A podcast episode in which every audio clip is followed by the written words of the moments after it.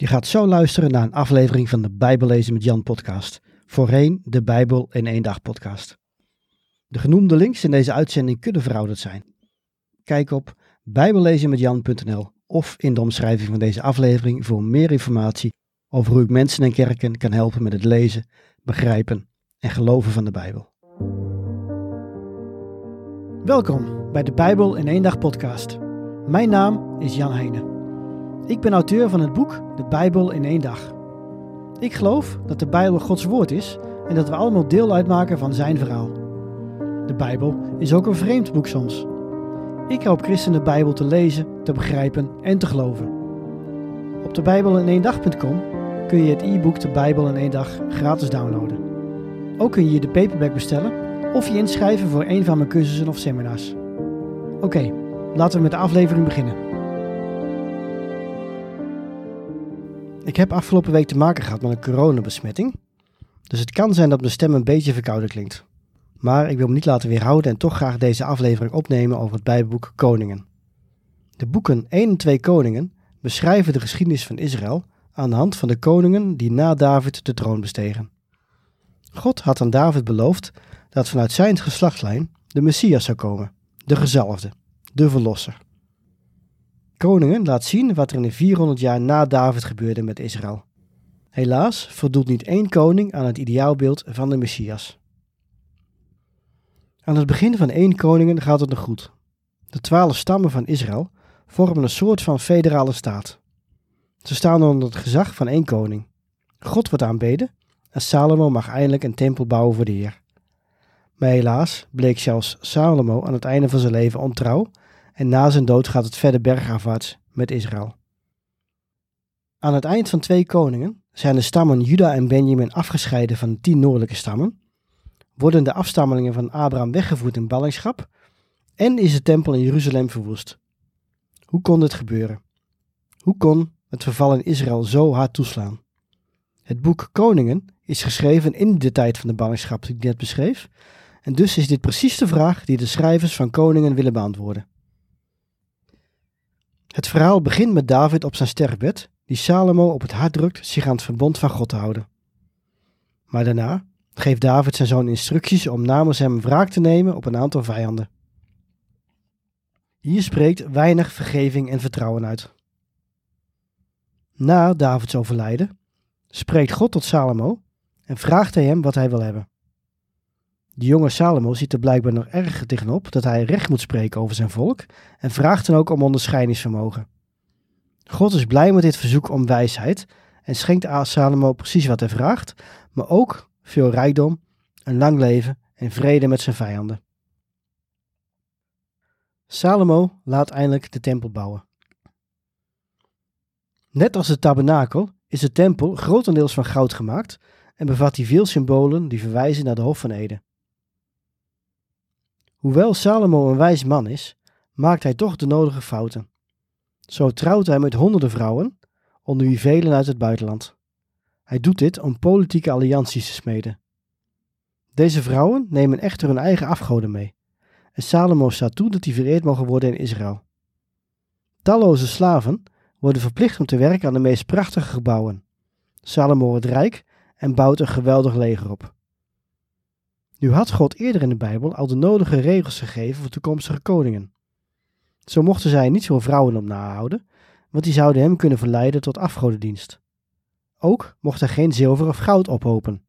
Nee, hij moest een kopie van Gods wet binnen handbereik hebben en er veel in lezen om zo ontzag voor God te krijgen. Hij moest vooral niet denken boven anderen te staan. Salomo overtrad al deze geboden en dus gebeurde wat God ook al had voorspeld.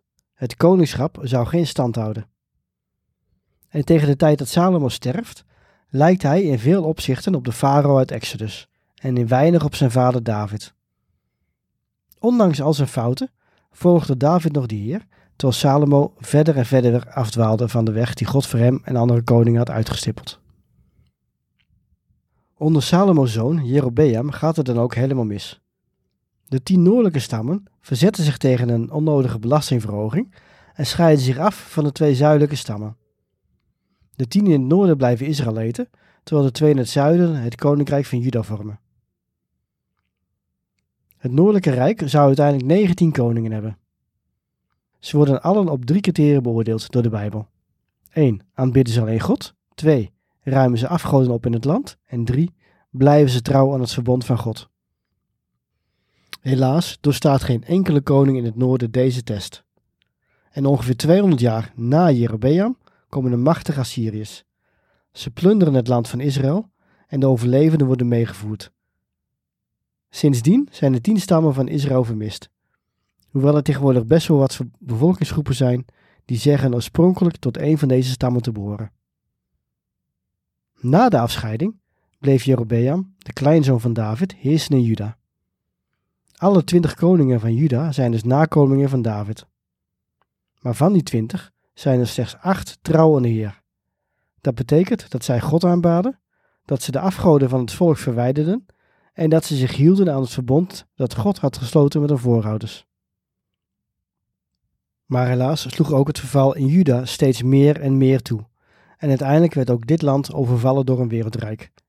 De Babyloniërs verslaan Juda en de inwoners worden als ballingen meegevoerd. Het is overigens niet zo dat God Israël en Juda aan hun lot overliet in deze periode.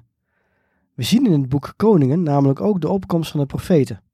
Zij brengen Gods boodschap over aan de koningen en hun onderdanen.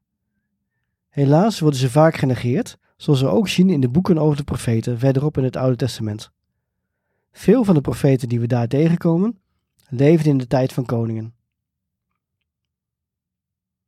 Elia en Elisa zijn de bekendste profeten die prominent naar voren komen in dit Bijbelboek. Elia daagt bijvoorbeeld 450 profeten van de afgod Baal uit om hun God zover te krijgen dat hij zijn eigen altaar in brand steekt. Het lukt niet. Het is Elia's taak om te bewijzen dat God wel echt bestaat en dat alleen de God van Israël het waard is om gediend te worden. Hij gooit zelfs nog water over zijn altaar en over zijn offer, en dan verteert Gods vuur uit de hemel dit. Zo bewijst God dat hij alleen het waard is om aanbeden te worden. Bij het vuur dat hij uitstoot over het altaar komen ook de profeten van Baal om het leven. Het beroemdste vrouw van die andere profeet, Elisa, is als een vijandige koning hem gevangen wil nemen en de stad waar hij verblijft omsingelt. Elisa's knecht raakt in paniek, maar dan vraagt Elisa God om de geestelijke ogen van de knecht te openen. En plotseling ziet deze man een gigantisch engelenleger. Zo laat God zien dat hij erbij is en dat hij in de meerderheid is. Als de vijanden dan later de stad van Elisa bestormen, bidt Elisa tot God en worden de vijandelijke legers verblind. Elisa neemt de mannen mee naar een andere stad, waar God de verblinding weer wegneemt. De vijandelijke soldaten schrikken ervan dat ze zo in de val zijn gelopen, maar Elisa spaart hun leven, geeft hun te eten en te drinken en laat hen gaan. In het Bijbelboek Koningen komt telkens Gods trouw en zijn liefde naar voren, maar ook de consequenties van de zonde, zoals God eerder had voorspeld.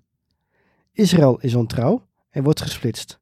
Uiteindelijk worden beide koninkrijken verslagen en de inwoners weggevoerd in ballingschap. De vraag die zich dan ook opdient aan het eind van Koningen is dan ook: trekt God, ondanks zijn belofte, dan toch zijn handen af van de familie van Abraham, Isaac en Jacob? Nee, twee koningen eindigen met een sprankje hoop. Het is een verwijzing naar het herstel dat God aan Israël zou geven. Want de Bijbel maakt een sprongetje helemaal aan het eind van Koningen. Na 37 jaar ballingschap krijgt namelijk de laatste koning van Juda, Joachim, gratie van de nieuwe koning van Babylon. Deze koning laat Joachim vrij uit ballingschap en hij mag voortaan aan het hof wonen. Hiermee geeft de Bijbel aan dat er nog steeds een koning is van Juda en dat er dus nog steeds hoop is voor het volk. Waarom is dit zo hoopvol? Omdat hieruit blijkt dat het volk van Juda er nog steeds is.